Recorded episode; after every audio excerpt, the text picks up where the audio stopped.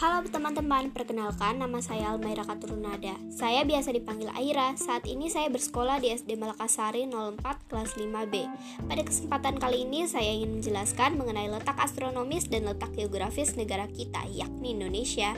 Yang pertama, apa yang dimaksud dengan letak astronomis? Ya, benar. Letak astronomis adalah letak suatu negara berdasarkan garis lintang dan garis bujur. Kalian sudah tahu kan letak astronomis negara kita ada di mana? Jawabannya adalah 6 derajat lintang utara sampai 11 derajat lintang selatan dan 95 bujur derajat bujur timur sampai 141 derajat bujur timur. Oke, lanjut. Yang kedua adalah letak geografis. Letak geografis adalah letak suatu wilayah berdasarkan kondisi permukaan bumi.